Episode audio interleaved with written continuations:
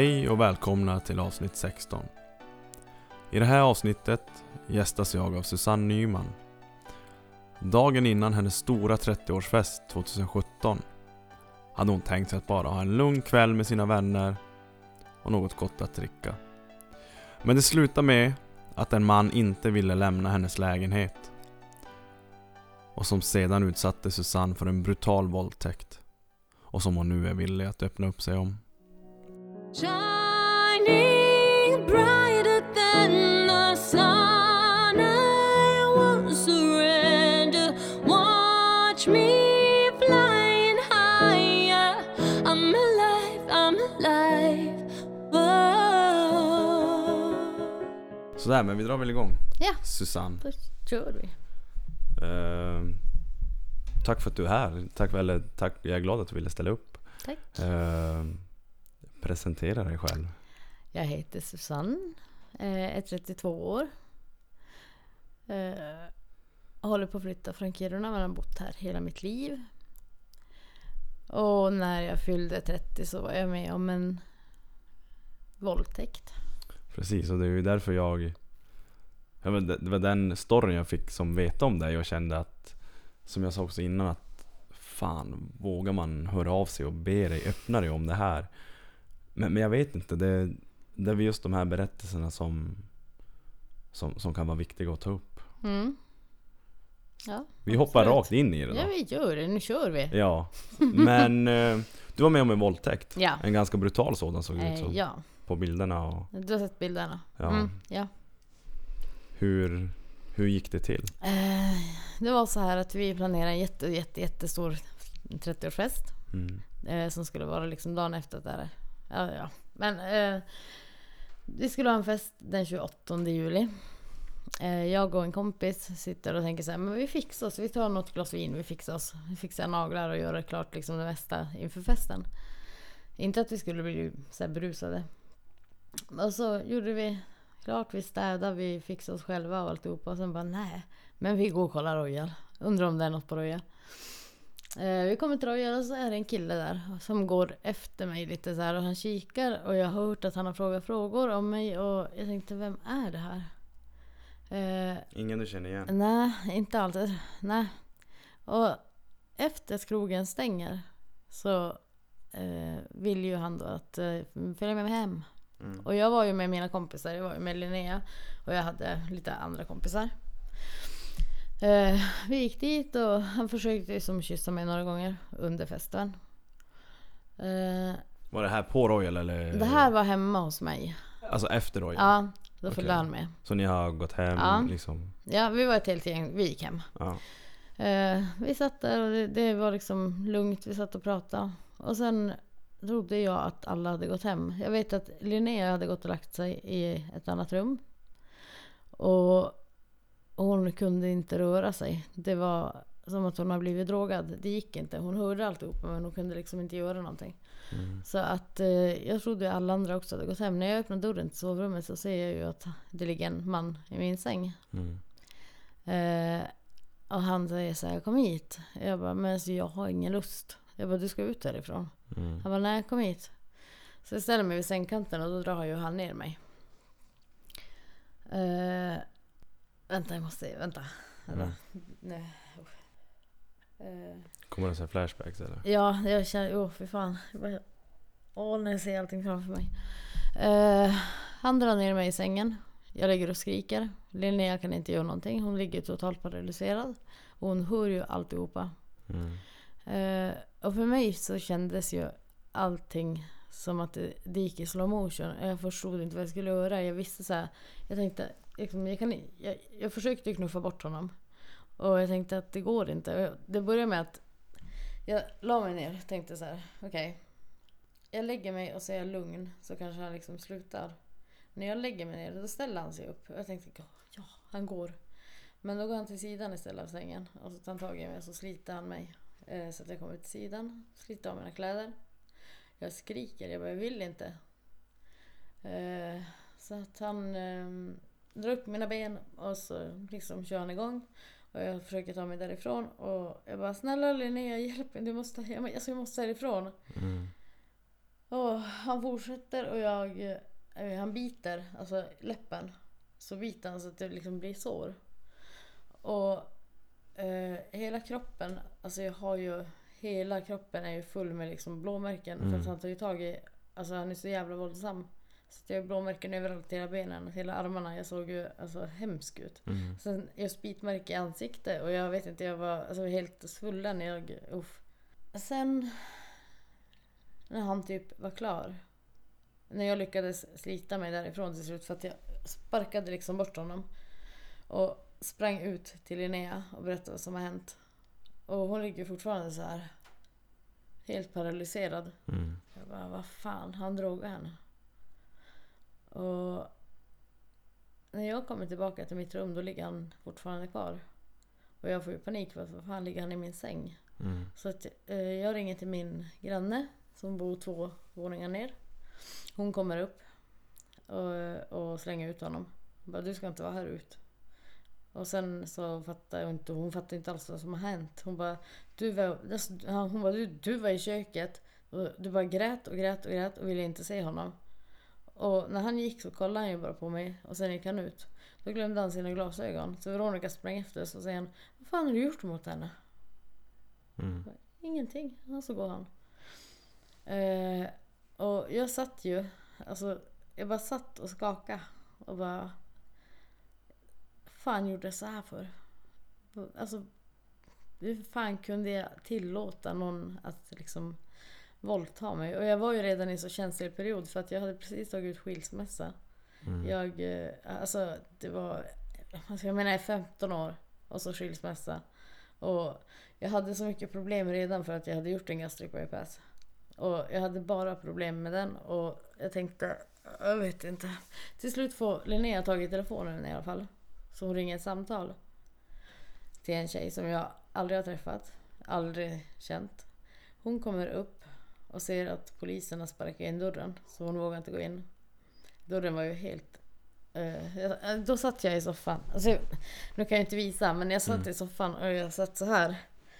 Och liksom hade panik Skärrad och tänkte liksom. så här, ja vad, vad, jag bara, vad fan har jag gjort för någonting? Och så polisen bara, vad är det? Är du full? Jag bara, nej. Han bara, vad är det som har hänt? Jag bara, det är ingenting. Då hade ju Linnea gått till andra polisen och sagt att hon har blivit våldtagen.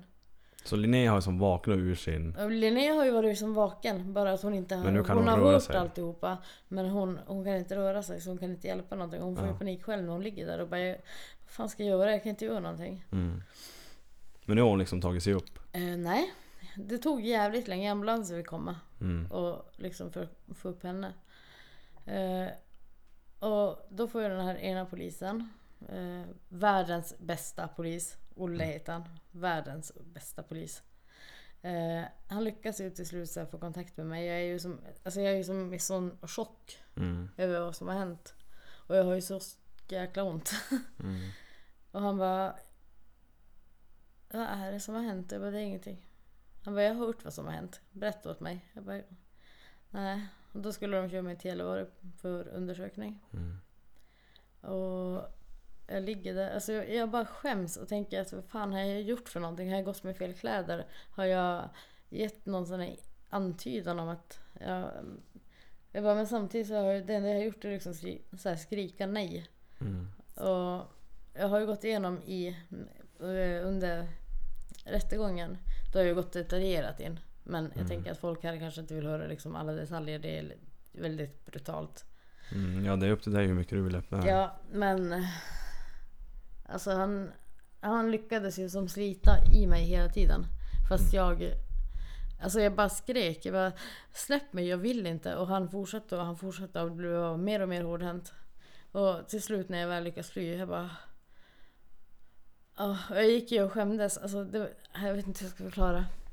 Men det är som att, just det där när du berättar om att man att, att du liksom klandrar dig själv. Ja. Det, det är ju när man läser om många våldtäkter så är det oftast det som är Mm. nästan första reaktionen Ja. hos tjejer. Att man...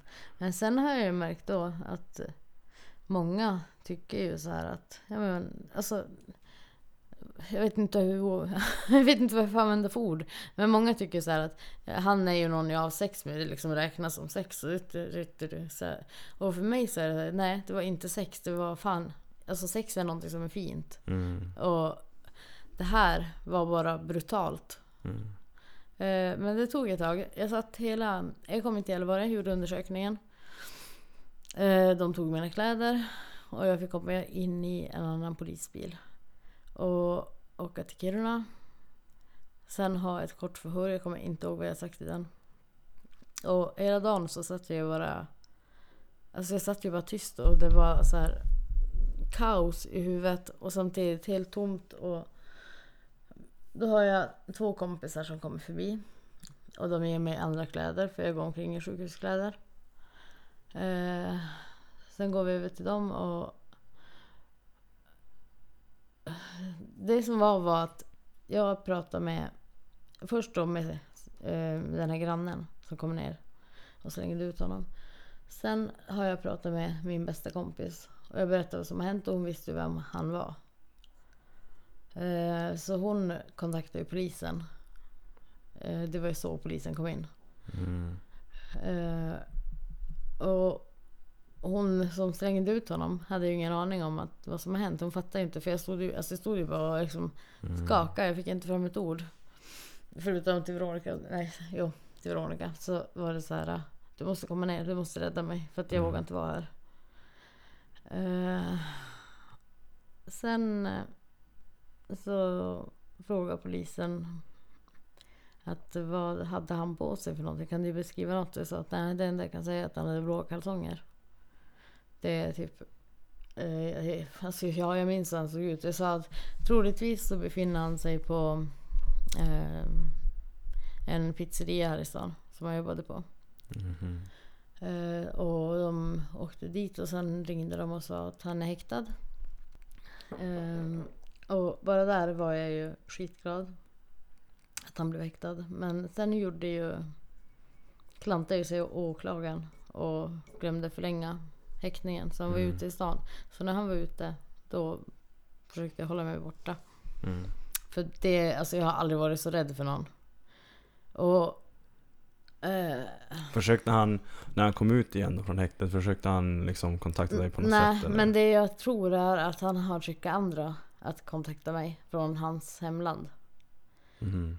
För jag har fått väldigt mycket missade samtal från just hans hemland. Och nu är ju, alltså han, han, ja. Nej jag vet inte. Det, det var ju som ingen tvekan, det är aldrig någon som har sagt något elakt åt mig efter det här. Alltså det har ju, jag har Mm. världens bästa stöd. Både i min mamma och min pappa och mina vänner. Alltså de har ju varit guld värd. Eh, men när rättegången började. ja, Det var det tyngsta. Att sitta liksom mitt emot honom. Mm. Och så i hovrätten så säger de så här. Vi ska visa dig en sak. Och så ställer han sig upp och drar ner byxorna. För att visa sina jävla kalsonger. Säger de, är det de? Så inte fan vet jag. Hur Jag la ju inte märke på så till detaljer. Mm. Jag såg att de var blåa, det är det enda jag vet. Mm. Eh,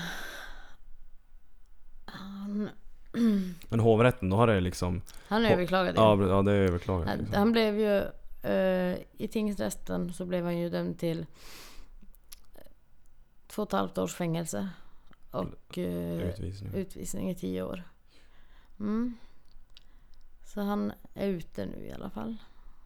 För häkt, eller ehm, fängelset har ringt mig och meddelat att han är ute. Okej. Och jag sa att är han ute i Sverige? Eller är han på någonstans att han ska verkligen iväg? Mm. Eh, nej, men han åkte ju iväg i alla fall. Jag, jag har inte hört någonting om honom, jag har inte sett honom efter det. Mm. Mm. Men vad var det som... eh, Var det det som gick fel? För när man läser tidningen så står det att eh, det skedde ett misstag. Men då är det ju liksom omhäktningen som... Ja, alltså det är ju det är just den här omhäktningen. Och det är bra. Alltså, när jag kollade på TV, helt spontant, så var ju Leif Silbersky där. Mm. Och så, det kom ju fram, så här är det, att tjejen som Linnea ringde till visade sig ha blivit våldtagen av samma människa en vecka tidigare. Mm. Och det hade ju inte jag, alltså jag har ingen koppling till henne och jag hade ju ingen aning om det här. Mm. Och när hon berättade, hon får fråga om vad, vad heter honom? Eller alltså, vad heter han? Mm. Och när jag berättar namnet så säger hon så här, du ska få bilder av mig. Vi såg precis likadana ut. Det var bitmärken så här, det var blåmärken på samma ställen. Det var... Men då hade han ändå skickat på Messenger, förlåt jag kunde inte låta bli, du är så vacker. Och ändå lägger de ner hennes. Men hon anmälde också? Jo, hon gjorde en anmälan när jag gjorde det, för hon vågade inte föra. Så vi gjorde en anmälan tillsammans, men hennes la ju ner. Och liksom på grund av liksom inga bevis eller? Ja, typ. Men, men eftersom att det låter som att ni har ganska likadana fall. Vad, Mm. vad fick ditt fall att bli, gå hela vägen? Jag vet inte, för jag vet inte om det var så att hon gjorde någon anmälan från början eller inte. Och jag tror inte att hon åkte in liksom för undersökning Mm. och kolla. Och, eh, eftersom att hon inte anmälde honom direkt så kunde de inte plocka liksom in honom. Mm. För att ja, han har ju hunnit tvätta, det, har ju liksom, det finns inte så Ja. mycket bevis. Så det är skittråkigt. Hon, hon, Mm. hon är värd att liksom få kompensation på något sätt. Att, eller känna liksom rättvisan. Mm. Mm. Men hur har du, eh, efter allt det här som har hänt, hur har du kunnat gå vidare? Liksom, nu när du berättar så ser man ju på dig att det är ju ont än idag. Det är så jävla ont. Det gör det. Så fick du liksom söka hjälp? Jag fick eller? söka hjälp. Alltså jag fick ju ingen hjälp från sjukhuset. Utan jag fick ju betala min egen ter- terapi. Mm. Men hon slutade ganska fort när jag började. Så att sen har inte jag pratat med någon om det här. Det här är liksom första gången jag säger ett ord om det här på ett och ett halvt år. Mm. För att jag orkar inte. Men jag är ju livrädd när han kommer tillbaka. Och jag vet att, det är liksom att han har ju kontakter i stan. Mm. Så att jag blir livrädd ibland liksom när jag går ut med hunden och tänker så här. Okej, det kanske kommer någon och skjuter mig. Det kanske kommer någon och liksom kommer ge igen för att jag har satt deras kompis i skiten typ. Mm. Det är ju så här katastroftankar hela tiden. Igår med liksom överfallslarm. Igår, alltså. Mm. Ja. Tror att det är att det liksom, jag förstår ju att du har att, att man blir rädd. Att man Mm. liksom har de att man måste liksom kolla sig över axeln hela tiden. Ja. Men känns det bättre typ när du gick och pratade med någon? Känner du dig säkrare då? Ja, det gjorde jag. Men nu äntligen. Jag var lite i kontakt med min läkare förra veckan. Så nu får jag gå till psykolog. Mm. Mm. För, för jag tänker så här bara att liksom att Jag har ju liksom inte bearbetat någonting. Det var, bara, Ja. det var så jag började jag prata om det, jag pratade om det ifall någon frågar. Och sen så stängde jag in det bara. Nej. Jag Mm. bara, det är inte någon annans problem. Det Mm. var liksom mitt problem. Mm. Mm. Men, men du känner väl ändå någonstans att du har gjort rätt? Och, och sen kan... Jag känner att ja, absolut, jag har gjort rätt. Jag skulle inte våga anmäla om det inte var för min bästa vän. Jag skulle inte gjort det för hon ringde hela tiden och hon hade kontakt med polisen. Mm. Jag bara, ni måste få henne att anmäla. Och den här polisen som kom var ju såklart den bästa. Mm. Så kom han och sa så här. När jag såg dig så trodde jag att shit, hon är full. Jag satt ju bara i soffan, jag satt ju bara och skakade så här. Så jag, jag förstår ju honom. Mm. Och de försökte prata med mig, jag sa inte ett ord. Så kom jag då Linnea och hon berättade vad som har hänt åt dem. Och de är jättetrevliga, jätteförsiktiga. Och bara um, försöker prata och till slut så har du varit med om någonting? Jag Mm. bara... Ja. Och eh, de var vad, vad är det som har hänt? Eh, jag bara, alltså jag vet inte. De bara, Susanne, har du blivit våldtagen? Mm. Jag bara, ja. Vet du vad han heter? Ja. Vet du vart han bor? Mm. Och i polisbilen så försökte de ju få mig att tänka på annat. De var jätteunderbara. Mm. Det var så här bara försöka skämta bort, bort alltihopa. Mm. Men värsta var ändå liksom komma till Gällivare och känna sig så jäkla förnedrad. Och göra den här undersökningen. Och efter man har varit med om något sånt så känner man ju inte riktigt för att stå naken Mm. framför någon. Ja, nej, usch, det var skittufft. Men eh, du hade inte fått i dig droger den kvällen? Jag tänkte Nej. om, om, din, om din kompis var Nej. drogad. Vi drog alltså de tog ju ett test. Men nej, det var... Hur, hur gick det med henne då? Var hon drogad? Hon var inte drogad. Hon var inte drogad? Nej, så jag vet inte vad som har hänt med henne. Ingen aning. Men jag kan säga att hon mådde ju skit. Mm. För att hon inte kunde göra någonting. Ja precis, då börjar hon skylla på sig själv ja, också. precis. Så att det var jättemycket. Vi har varit till läkaren tillsammans också.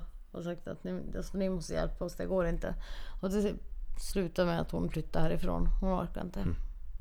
Fick, eh, fick dina vänner här också vara som vittnen n- när... Jag hade ju två vänner då. Jag hade ju en som jag pratade med i telefon hela tiden. Mm. Och det var ju hon som ringde polisen. Och det var ju, eller alltså, eh, berätta. Eller, hon var jättemycket med polisen när jag inte kunde prata. Så tog Mm. hon över. Mm. Eh, sen var hon ju med mig då hela kvällen.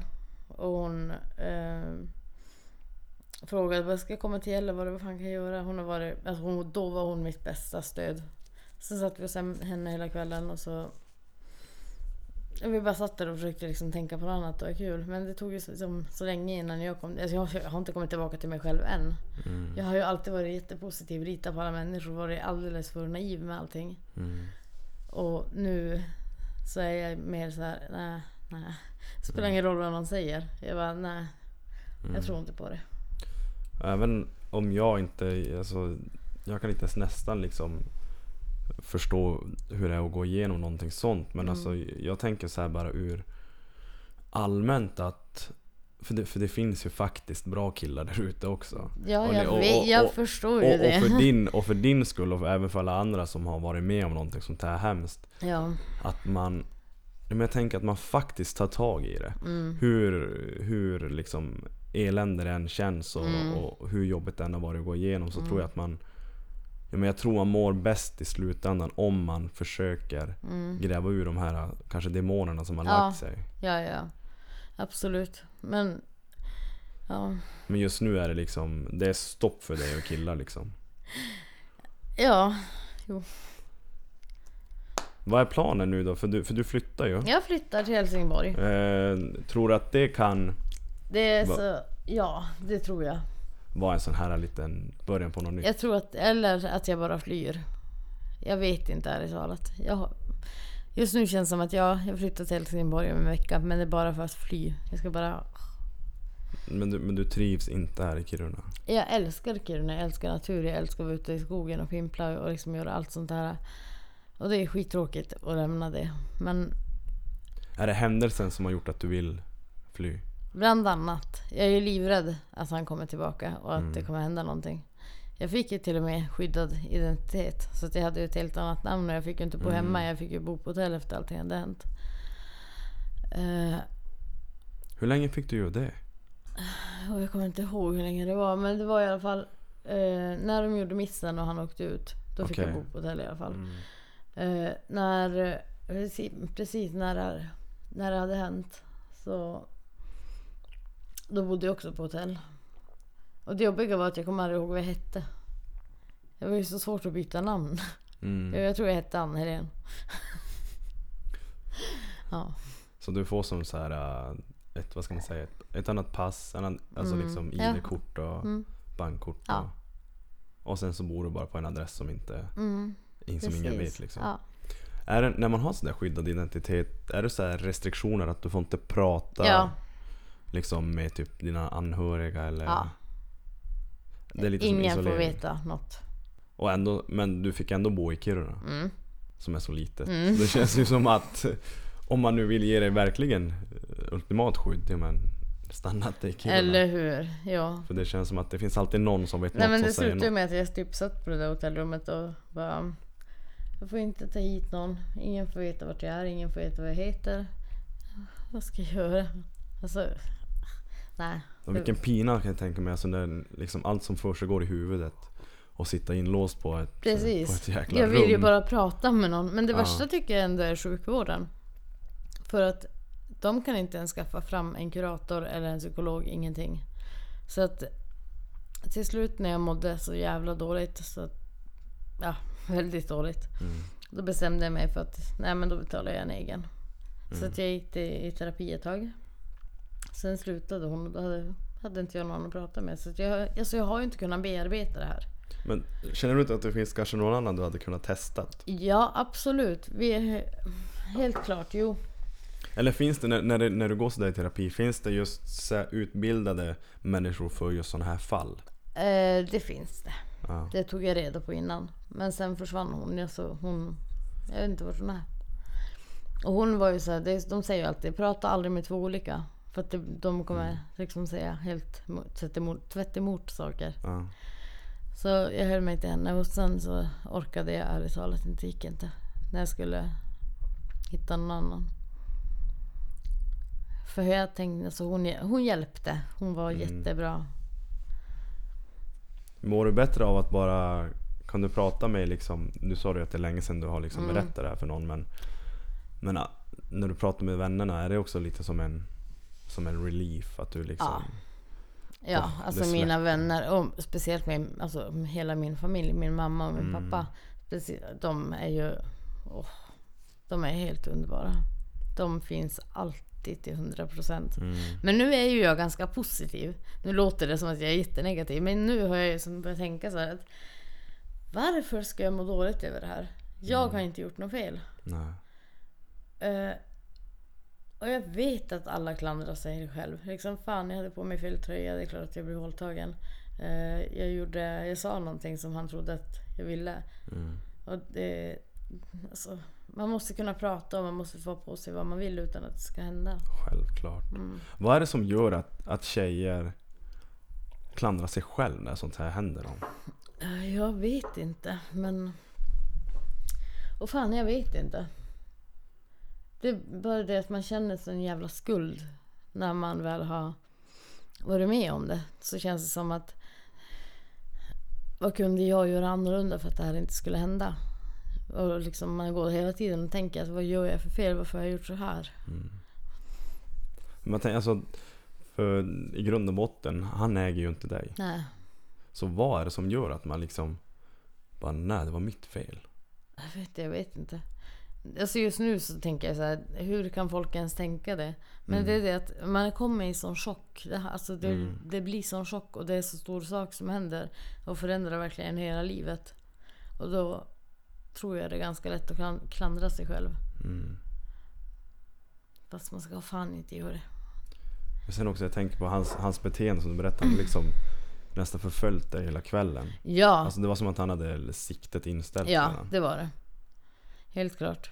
När jag gick ut och rökte då stod han ju liksom i ett hörn och så här, lyssnade vad jag sa. Och bara, jaha, okej. Men sen att, att han lyckades ta sig med på efterfest också. Ja, Bara tränga sig på sådär. Ja, det var ju liksom så här. Han kommer att gå i vårat gäng. Och så... Jag vet inte. Jag, jag kommer inte ihåg ärligt talat hur han hamnade med. Men sen är det ju också sådär, man har ju varit på efterfest några gånger. Man Mm. tänker att ja men vilka ska med? Ja men får jag bara ta med han? Får jag Ja, bara ta med hon? ja precis. Man, man, jag tror man är ganska, Ja. man tror gott om människor. Ja, men det är just det som är mitt problem. Jag är alldeles för naiv. Mm. Och just nu så märks också det att jag är för naiv. Fast Alltså jag tror ju så jäkla gott om folk. Jag tänker så här, alla måste ju känna samma empati som jag gör. Mm. Och sen när jag märker att nej, det stämmer inte. För det första liksom, alltså, så många gånger som jag blivit sviken nu liksom senaste... Det har ju påverkat mitt hjärta och liksom enormt. Min puls, med vilopulsen, har legat på 170. Eh, jag är så stressad och jag bara... ah. Men, men tror du att, eh, tränar du någonting? Mm. Nej, det gör jag inte. Jag tänkte att det är ju bra för liksom att avvärja hjärnan Ja, lite grann. Men då har vi mina alla smärtproblematik som har kommit upp. Jag kan ju inte göra någonting för att jag har ryggen, jag har nacken. Jag, benen, jag tappar ju liksom känseln i benen så att jag faller ju ihop. Men det har, inte, har det kommit från den här händelsen? Det, nej, det är inte från den. Okej. Men det har ju blivit betydligt värre. Mm. Eh, när jag mår sämre så, så blir ju allting bara värre. Mm. All, om det finns någon där ute som lyssnar och har varit med om samma sak som du har varit med om Mm. och, och liksom gå med de här känslorna som, som man, när man klandrar sig själv. Vad, vad kan du säga till dem? Att liksom ge tips Det, eller? men det, det tänker... Alltså bara tänka logiskt.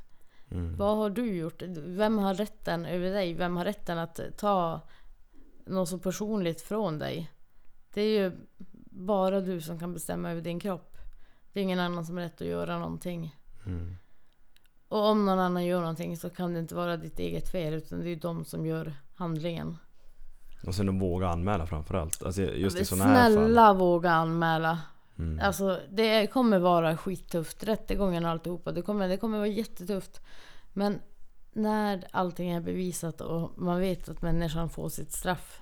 Så är det en sån lättnad. Mm. Och veta liksom att du även har räddat andra kvinnor. Ja precis, för det finns ju de som sitter där ute som det kan hända vem fan som helst. Det känner ju det. Och när som helst. Som i ditt fall, liksom, det var en, en vanlig efterfest. Ja men så var det ju så att vi skulle ju ta det jättelugnt. Och det var ju så här. Det var dagen före min 30-årsdag. Mm. Och vi skulle ta det lugnt och vi, vi drack inte jättemycket. Eh, gå på krogen och sen liksom gå hem för att vi ska fixa på smörgåstårta. Vi ska ha världens fest dagen efter. Mm. Eh, bjud in säkert, eh, alltså, jag, tror, jag tror vi låg, på runt 30 stycken som skulle komma. Mm. Och jag tänkte inte på det för att det hände ju så mycket min hjärna. Så att eh, folk hade varit förbi och bara, men du är inte ens hemma. Och jag bara, fan. Och de bara, vad, har du gjort med dörren? För polisen sparkade in dörren. Mm. Jag vägrade öppna. Jag, blev, jag satt ju bara så här, alltså totalt paralyserad. Jag hade ingen tanke. Det var helt tomt i mitt huvud. Och jag bara... Fan. Fan. Men denna polis som heter Olle. Mm. Olle, alltså han har på riktigt... Shout out till Olle. Åh ja, Olle. När jag såg, jag visste inte ens att han skulle vara med på rättegången. Han var med via videolänk. Okej. Och jag såg han och jag bara grät. Och jag kände bara shit. För då sa han så här. Jag har aldrig sett en människa först som var så full tänkte jag. Mm. Han bara. Och sen såg jag att nej det stämmer inte. Någonting har hänt. Hon är inte full, hon är i chock. Mm. Och han bara. "Men En människa sitter inte så. Om det inte har hänt något riktigt jävla allvarligt. Mm. Och du vet att gå och fota alla skador jag hade. Alltså jag såg ju verkligen hemskt ut. Jag var ju blåmärken överallt. Du var riktigt jävla Ja, bra. alltså ja. Fotade dem och så...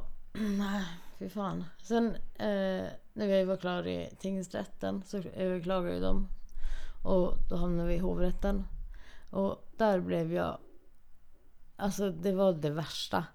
För vet du vad de gör? Hans advokat säger så här. Ja, eh, du sa att eh, han har blåa kalsonger på sig. Och så ställer sig han upp då. Och så visar han de kalsongerna. Var är de här? Jag tänkte jag svimmar. Mm. Jag bara, jag vill inte se hans jävla kalsonger. Mm. Eh, jag bara, jag kan inte svara på om det är de där. Jag sa att de är blå. Men jag har inte koll på märke eller storlek eller... Jag bara, det är helt omöjligt att svara på. Men när du flyttar nu till Söder, Mm. vad är planen nu då? Saken är den att mitt barn ska gå i gymnasiet. Mm. Eh, börja om. Jag tycker att Kiruna innehåller lite för mycket eh, droger och sånt just nu. Mm. Men, och nu vet inte jag hur det är där nere, hur det funkar med ungdomar där nere.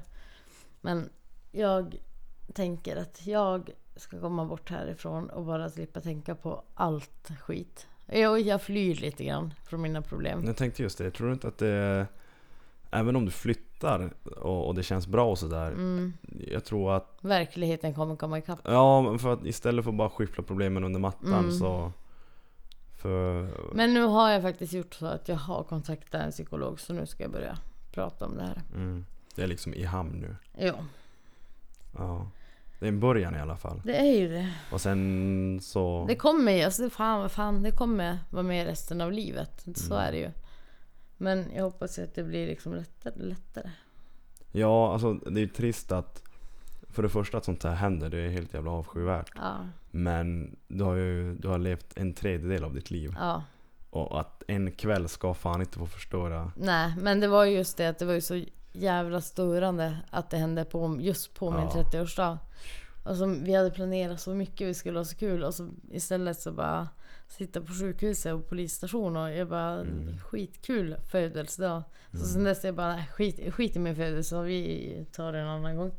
Det, det är ju skit att sånt händer men vi måste bli starkare. Ja, gud. Men jag tror ju att det här har gjort mig mycket starkare. Ja. Och jag känner ju nu liksom så här, jag har ju lärt mig mycket. Typ det här med att vara inte så naiv, tro inte Mm. på folk. Utan var försiktig och lär känna folk. Innan du liksom släpper in dem på livet Mm. ordentligt. För, för man vill ju ändå... jag menar, du som är positiv och, och lite naiv, Ja. man vill ju tro bra om folk. Alltså Ja, det, det är livet är det. ju så mycket härligare när eller vi hur? kan liksom som vi nu liksom, aldrig träffats och bara sitta och prata. Man vill ju kunna ha de här Men samtalen. det känns ju ganska häftigt. Att in, alltså, trä- aldrig ha träffat någon och ändå bara sitta och kunna gå in på sådana här saker. Det är skithäftigt. Ja.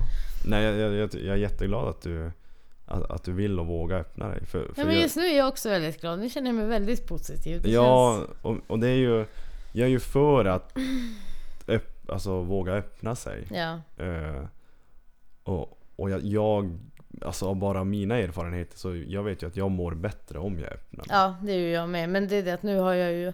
I början så var det så enkelt. Jag hade så lätt att prata om det med mina vänner. Mm, Men jag tror att det var liksom att jag måste få ur mig det för att jag, Ja. jag kvävs annars. Jag orkar inte. precis.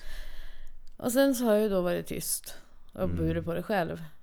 Och jag har ju fått som höra så här, ja han är i stan nu så du vet. Mm, Bara, det går inte, han är utvisad. mm, Och flera gånger så bara, han är i stan nu, jag har sett honom. mm. Och, och då är bara paniken. Så här, jag kan inte gå ut med min hund, jag kan inte göra någonting. Jag är livrädd. Men nu är det skönt att prata om det.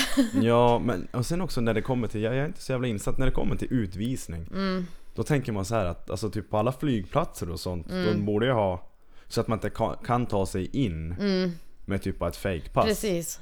Men det är det jag är lite orolig för. För jag vet ju att det finns ju många som gör fejkpass. Mm. Och som lyckas.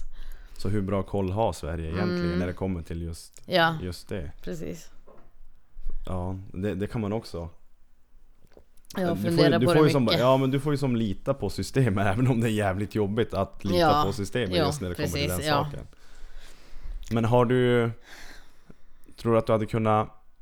Kan du ringa polisen och fråga bara liksom om de vet hur det står till? Eller tror du att de bara liksom hade ett ärende avslutat? Jag tror att de ska komma... Nej, nej. Jag tror inte polisen skulle göra någonting. Nej. Nej. Däremot mitt målsägande beträde. Hon hade nog kunnat ta reda på saker. Mm. Hon var fantastisk. Hon är helt underbar. Mm. Mm. Är det någon du kan tipsa om? Målsägande beträde? Ja. Ja. Hon heter Frida Larsson. Och gör Alltså. ett bra jobb? Ja, fantastisk. Alltså helt. Och Mm. gud så förstående. Hon har typ, jag tror hon har hjälpt mig mest med det här. Mm. Hon har verkligen pushat på och varit stöd och... Ja, helt underbar. Men, men du har ju, du har ju en, eh, inte gammal son, men du som är ung har ju Ja. en gammal son för din ålder. Ja. Hur har han reagerat på allting? Ah, nej. För, han är ju ändå i den Ja, åldern där man precis. förstår Det väldigt var mycket. jättesvårt. Och vi funderade, ska vi berätta eller ska vi inte berätta? Mm. Och det tog länge. Och till slut tänkte jag så här att Men varför ska jag inte berätta? Jag har ju Mm. fortfarande inte gjort något fel. Och han, han måste ju liksom veta så sanningen. Men om, om jag börjar gå så här omkring och, bara, och deppar. Mm. Det går ju inte. Alltså han förstår ju liksom att något har hänt. Och till slut så valde vi liksom att säga, jag har läst tidningen. Han bara, vem är Sara? Jag bara, det är jag. Och han läste och sen... Alltså han tog ju det jättehårt. Mm. Han tyckte ju att det här var skitjobbigt. Men... eh, Jag kan tänka mig som Ja. tonåring att det blir lite uppror i den kroppen också. Bara, att, vem fan var det nu? Ja, nu, ska jag, nu ska jag göra rättvisa. Ja, ungefär. Men sen så samtidigt så stängde han ju som in alltihopa. Mm. Och jag tror han grubblade ganska mycket på det. Då, inte nu. Men han visste nog inte vad han skulle göra. Och då Mm. blev det så här, då måste jag vara stöd åt honom för att inte Mm. han ska ha det jobbigt. Och han har ju hjälpt mig. Det är mitt Mm. barn. Alltså jag menar, säger det utan mitt barn, det hade ju inte gått. Alltså Mm. han, ja, han är min fantastiska ung. Hur är det att vara så ung mamma då? Det är det bästa. Jag har fått en kompis. Alltså nej, det är så roligt. Nu är ju han snart 16 och jag var ju 16 när jag blev gravid. Mm. Lite sjukt om han skulle bli pappa, det känns helt fel i mitt huvud. Mm. Men, men eh, eftersom att det inte är jättestor åldersskillnad så tror Mm. jag att vi har en kontakt på ett sätt som ingen annan har. Det är ju fortfarande liksom så här, ta undan disken, gör det där. Mm. Men det är ju också liksom så här, äh, vi kan prata om allt med varandra. Mm. Det är så roligt. Nej, det var Det- det bästa jag Ja gjort. men jag känner också igen det, för min mamma är också bara 16 år äldre än mig. Mm. Det, nu vet ju inte jag hur det är att ha gamla föräldrar, men man kan bara kolla på polarna liksom. Men det är någonting, det blir som en vän. Det blir ju det. Som ens bästa vän. Ja. Och jag vet inte om det har med åldern att göra. Nej, men jag tror att, för att jag menar, man har lite mer gemensamt ändå. Även Ja. om det skiljer liksom några år. Mm. Men det är mycket mer gemensamt än om jag skulle skaffa barn nu. Mm. Det kommer inte liksom då kommer det verkligen bli så mamma, barn. Mm. Du är liksom 35 när han tar studenten, typ Ja, precis. 34-35 istället för att vara typ 50. Ja, Jag menar, ni det är det jag brukar säga åt att Du, du kommer ju liksom inte hitta en coolare morsa än mig. Du förstår det va? Nej, men det är ändå skönt att, att eh, också höra att familjen är, är så sammansvetsad när sånt här händer. Oj ja, Det, det är ju en otrolig trygghet. det är det. Helt klart. Jag, min son och min mamma och min pappa. Alltså, Mm. ja. Hur reagerade exet när sånt här hände? Alltså jag menar du gick just igenom skilsmässa och... Han var skogstokig, inte på mig då. Nej. Men han, han var ju den som fick prata med polisen för jag kunde inte prata. Jag var ju bara Mm. i chock. Eh, Men han, eh, alltså vilket stöd. Mm. Mm. Även om man liksom... Om man går skilda vägar, skilsmässa, man kan ju bli... Alltså, Det kan ju bli liksom krig. det, det kan ja, bli krig ja, men ja, ändå att han liksom fanns där. Ja, men vi har ju liksom aldrig haft något krig på det sättet. Skönt. Ja. Mm. Mm. Vad, vad är planen nu då? Ska du, ska du göra någonting av... Har du någon gång funderat på att kanske göra någonting av din händelse? Att du liksom kan stötta tjejer som har varit i samma sits? Jag har eller? funderat och funderat hur mycket som helst på det här. Mm. Och jag har kontaktat eh, kvinnojouren Mm. och tjejjouren. Och eh, tjej, tjejjouren. Eh, och kollat om det finns någonting jag kan göra. Och de tycker ju att jag ska föreläsa. Mm. Eh, Bara liksom berätta att försöka få fram på något sätt. Nu har jag ju inte, liksom, alltså nu har jag inte skrivit ner, nu är jag ju liksom helt bara Ja. prata. Men att man liksom skriver ner så här, försöka få dem att förstå att händer det någonting så är det absolut inte ert fel. Ni får aldrig, Mm. aldrig klandra er själva för det som händer. För du har, alltså ditt, ditt fall är så himla glasklart känns det som. Alltså liksom hur du såg ut. Ja, Alltså det är helt, ja. ja. Det, alltså det, var, alltså det, det såg ut som att du har gått en riktig jävla fight. Alltså den var, det var jag, det var fruktansvärt. Usch. När vi gick igenom bilderna också på rättegången så frågade de mig så här, hur, hur har du fått det här?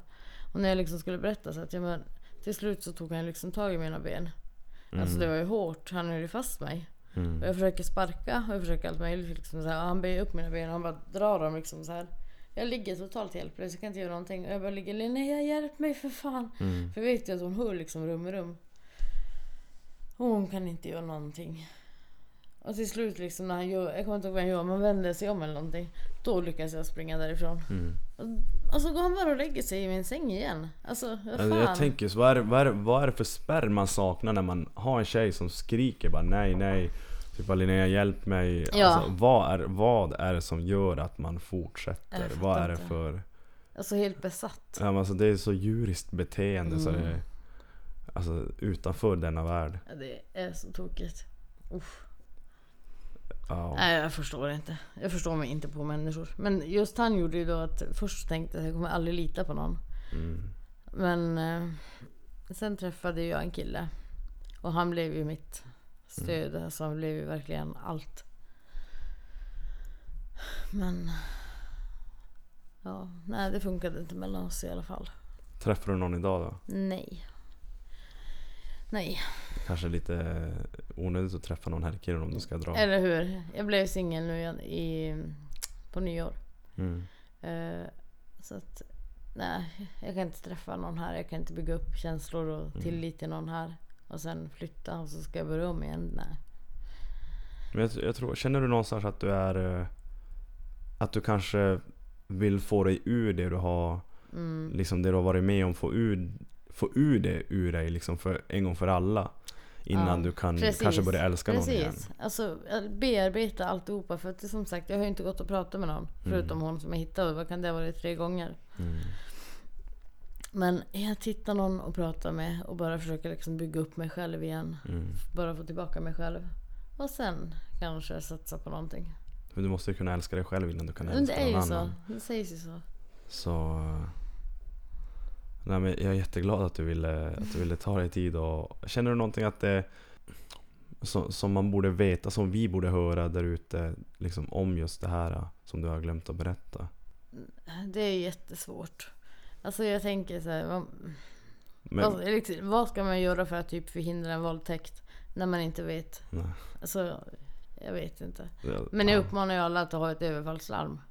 mm, Går man ut liksom, ha det i alla fall. Så Mm. att det låter, så att någon reagerar. mm.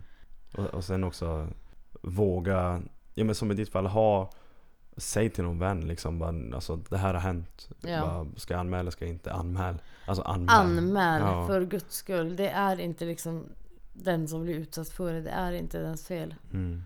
Man måste våga anmäla. Och, och sen när... Jag menar jag självklart så är jag skiträdd att Mm. han ska komma tillbaks. Och att det ska hända någonting. Men han har ändå tagit liksom sitt straff. Och Mm. ja, inte för att pengarna som jag fick som skadestånd liksom läker mina sår. Men Nej, jag tror inte det läker många så Nej. faktiskt. nej.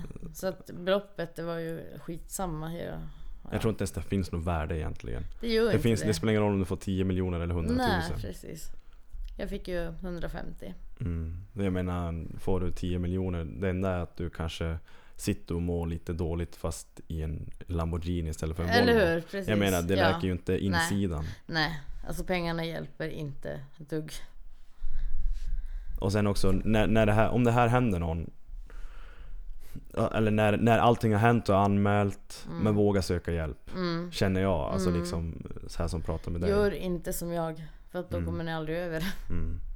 Nej, det kommer alltid sitta kvar. Det spelar ingen roll. Det- Det är en så stor händelse i, i ens liv. Mm. Så att ja, det kommer sitta kvar. Men,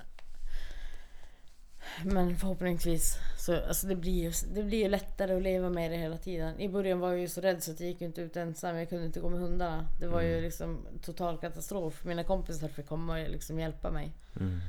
Och jag kommer ihåg första gången jag gick på krogen efter det här. Och jag ville inte gå på krogen men jag tänkte så här, det är te- terapi. Jag måste klara av det. Mm. Och jag gick på krogen och jag tycker att jag får se någon som ser ut som han. Och får panik och bara ställer mig utanför och bara gallskriker. Och det kommer Mm. en tjej hon bara vad är det? Och jag bara det är ju han. Hon bara vem? Jag bara det är ju han. Mm. Och så kollar jag igen och jag bara, det där var ju inte han. Och så vände jag mig om och jag bara, där är han. Och till slut Mm. tänkte jag, nej vet jag inte vara kvar här för att jag blir, jag blir paranoid. Men så går det. Man måste prata med honom. Mm. Man måste våga öppna sig. För det bygger bara upp och sen exploderar Ja. Men om vi ska prata om någonting positivt. Jag är väldigt positiv. Du, ja, absolut. Du, men, men själva storyn är ju liksom... Ja. Ja. man, man, det är så hemskt och... Det är ju hemskt. Mm. Det, är så Ja, hemskt. det går inte att beskriva hur, hur, Nej. hur äckligt det är. Men har du någon plan för dig själv och, och sonen nu då om, om fem år? Vad gör ni då? Om fem år så kommer vi, alltså fem år. Han, jag hoppas att han kommer plugga vidare på typ universitet. Har du snackat med honom om det här? Ja, men det går inte jättebra. Men jag hoppas i alla fall att han gör det. Jag hoppas att jag inte är sjukskriven. Mm. Eh, vi bor långt ner i södra Sverige. Vi ska slippa vintern. Jag ska må bättre. Jag ska slippa mina smärtor på grund av liksom väder. Och vi ska... Alltså vi ska ha det så bra. Vi ska göra allt för att bara ha ett bra liv. Mm. Vad är ett bra liv då? Ett bra liv. Det är... Ja, för det första blir jag med den här jävla sjukskrivningen. Mm. Jag ska jobba, tjäna pengar. Eh, vi ska... Alltså, men bara tiden att få umgås med mitt Mm. barn. Och Men han ska ju plugga, kommer han ha tid att umgås? han har inget val, han måste. han pluggar nu också. Det är, nej, han har inte tid. Men ja, men det, det ska han få. Mm. Jag tänker sommarlov och sånt, herregud. Åka runt på typ festivaler och åka runt och bara upptäcka nya Mm. delar av världen. Vi ska... Nej, jag tror att vi har en riktigt, riktigt bra framtid. Men du sa att du gillar naturen och det jag älskar naturen. Ska ni ha någon vinterstuga här uppe då? Nej men alltså jag har ju mam- mamma kvar. Ja. Så att i värsta fall så får vi väl bo hos henne. Men det vi har tänkt är att vi ska hyra jakt och fiskestugan i Stenbacken. Och sen ska vi liksom ut och pimpla. Är det sommar då åker vi ut med båten och bastar och grillar korv. Mm. Men jo, när jag kommer sakna naturen här, det kommer jag. Mm. Men samtidigt, naturen där är ju så vacker. Och jag har ett hav. Ja, och framförallt så mycket längre sommar. Mm. Om man gillar sommar. Jag älskar ju sommaren. Mm, och värme. Ja. Så det är... Då får vi se om fem år om du är där då. Jag ska vara där och jag ska, Ja. jag ska vara så lycklig. Mm. Och inga demoner som eftersöker eller liksom Nej, hemsöker Men jag har ju blivit ganska duktig på att liksom ta bort dem. Jag får, alltså fan, det är klart jag får liksom ångestattacker ibland. Mm. Men jag är väldigt positiv. Jag ser bara ljus på livet. Mm. Jag tänker att det här är gjort. Han får sitt straff. Och Du kan gå fri så att säga. ja, jag kan, ja, Mm. jag mår ju faktiskt jättebra. Mm. Mm. Ja, men jag, jag köper det. Eller det är ditt svar. Ja men sen så är det jag hade, liv. inte, jag hade aldrig klarat det här utan mina vänner som fanns för just första kvällen. Första kvällen var först, alltså, Mm. åh gud den var hemsk.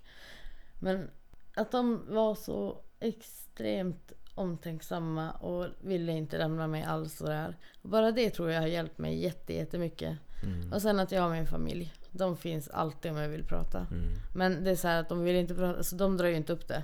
Om de Mm. märker så att jag typ sitter med en ångestattack. Så säger de inte liksom hans namn, de skulle inte göra någonting sånt. Utan Mm.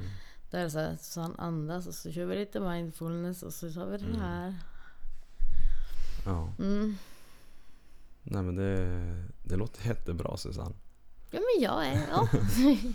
jag tycker om livet, jag gör det. Ja. Och Livet, är jäkligt vackert. Sen Det- kommer det hända ja. saker, det, så är det. Mm. Det får man acceptera och sen får man bearbeta och sen får man bli glad igen. Vi får ju bara ett liv. Ja, Så att det är lika att njuta när vi ändå är här. Mm. Och göra det bästa vi kan varje dag för att få så bra som ja möjligt. helt klart så håller jag fullständigt med dig. Ja. Mm. Men tusen tack för att du ville göra det här Tack Susanne. Och själv. jag, jag, eh, jag hoppas att ditt liv blir så bra som, som du också vill att det ska bli. Och jag önskar dig all lycka till där nere. Och, Ja. Åh, Ja, tack. Självklart. Men eh, det är viktigt att, att, sånt, såna, att man vågar öppna upp sig, att sånt här kommer ut faktiskt. Och jag hoppas verkligen på riktigt till alla kvinnor, anmäl. Mm. Verkligen Absolut. anmäl. Ha, inte, ta inte på er på er själva. Mm. För att det är inte ni som har gjort något fel. Ni kommer, det spelar ingen roll vad ni har på er för kläder. Det spelar ingen roll liksom om Nej. ni, vad ni gör. Det är aldrig ert fel. Verkligen. Det, Mm. Det är Det eran kropp och ni bestämmer. ja. Mm. Och så kommer det alltid att vara. Ja. Det spelar ingen roll vad någon säger. Precis. Så att eh, vi tar med oss Susannes ord och så säger vi på återseende där ute. Vi hörs. Hejdå! Shining brighter.